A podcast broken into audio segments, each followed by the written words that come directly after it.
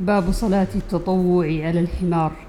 عن أنس بن سيرين قال استقبلنا أنس بن مالك حين قدم من الشام فلقيناه بعين التمر فرأيته يصلي على حمار ووجهه من ذا الجانب يعني عن يسار القبلة.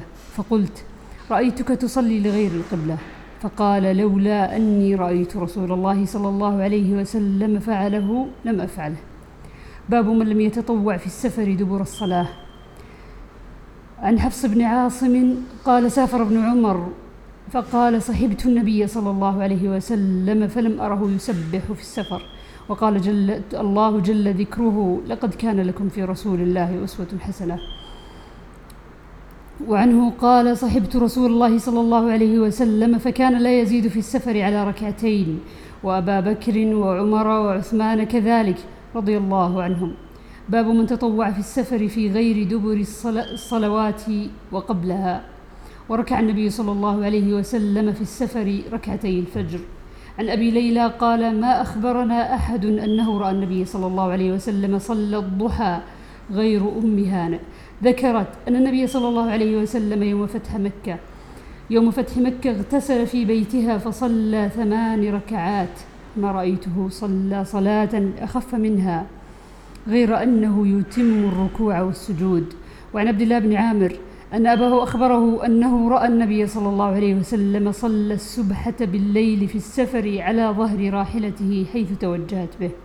وعن ابن عمر رضي الله عنهما أن رسول الله صلى الله عليه وسلم كان يسبح على ظهر راحلته حيث كان وجهه حيث كان وجهه يومئ برأسه وكان ابن عمر يفعله.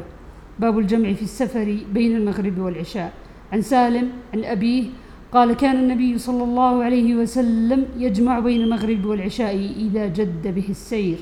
وعن ابن عباس رضي الله عنهما قال كان رسول الله صلى الله عليه وسلم يجمع بين صلاة الظهر والعصر إذا كان على ظهر على ظهر سير ويجمع بين المغرب والعشاء. وعن أنس بن مالك رضي الله عنه قال كان النبي صلى الله عليه وسلم يجمع بين صلاة المغرب والعشاء في السفر.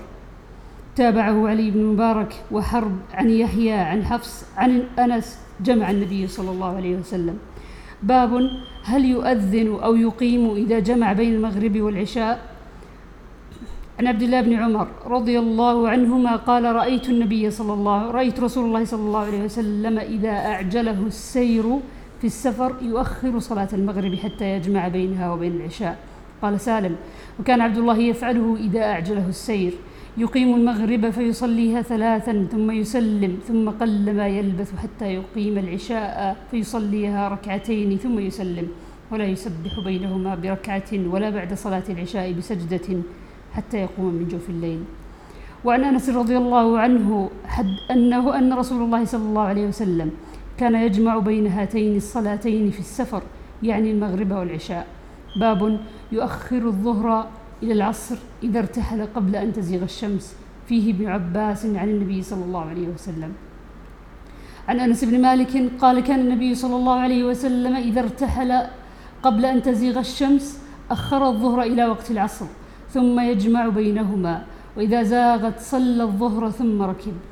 باب إذا ارتحل بعدما زاغت الشمس صلى الظهر ثم ركب.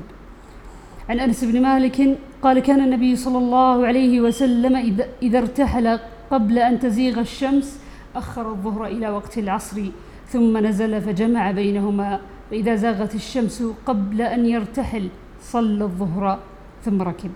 باب صلاة القاعد. عن عائشة رضي الله عنها أنها قالت صلى رسول الله صلى الله عليه وسلم في بيته وهو شاك فصلى جالسا وصلى وراءه قوم قياما فأشار إليهم أن اجلسوا فلما انصرف قال إنما جعل الإمام ليؤتم به فإذا ركع فاركعوا وإذا رفع فارفعوا.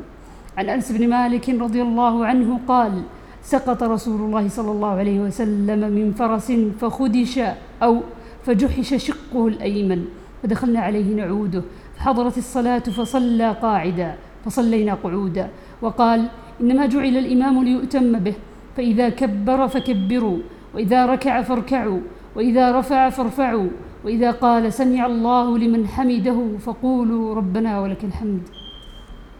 وعن عمران بن الحصين وكان مبسورا قال سألت رسول الله صلى الله عليه وسلم عن صلاة الرجل قاعدا فقال إن صلى قائما فهو أفضل ومن صلى قاعدا فله نصف أجر القائم ومن صلى نائما فله نصف أجر أجر القاعد.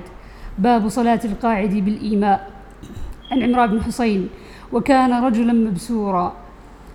قال سألت النبي صلى الله عليه وسلم عن صلاة الرجل وهو قاعد فقال من صلى قائما فهو أفضل ومن صلى قاعدا فله نصف أجر القائم ومن صلى نائما فله نصف أجر القاعد.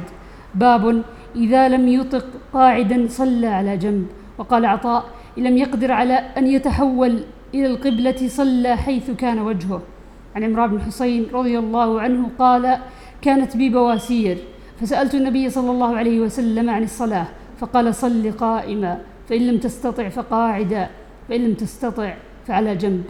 باب إذا صلى قاعدا ثم صح أو وجد خفة تمم ما بقي. وقال الحسن إن شاء المريض صلى ركعتين قائما وركعتين قاعدا. عن عائشة رضي الله عنها أم المؤمنين أنها قالت أنها لم ترى رسول الله صلى الله عليه وسلم يصلي صلاة الليل قاعدا قط حتى أسن فكان يقرأ قاعدا حتى إذا أراد أن يركع قام فقرأ نحوا من ثلاثين آية أو أربعين آية ثم يركع. وعنها رضي الله عنها أن رسول الله صلى الله عليه وسلم كان يصلي جالسا فيقرأ وهو جالس فإذا بقي من قراءته نحو من ثلاثين أو أربعين آية قام فقرأها وهو قائم. ثم ركع ثم سجد يفعل في الركعة الثانية مثل ذلك. إذا قضى صلاته نظر فإن كنت يقضى تحدث معي وإن كنت نائمة اضطجع. صلى الله عليه وسلم.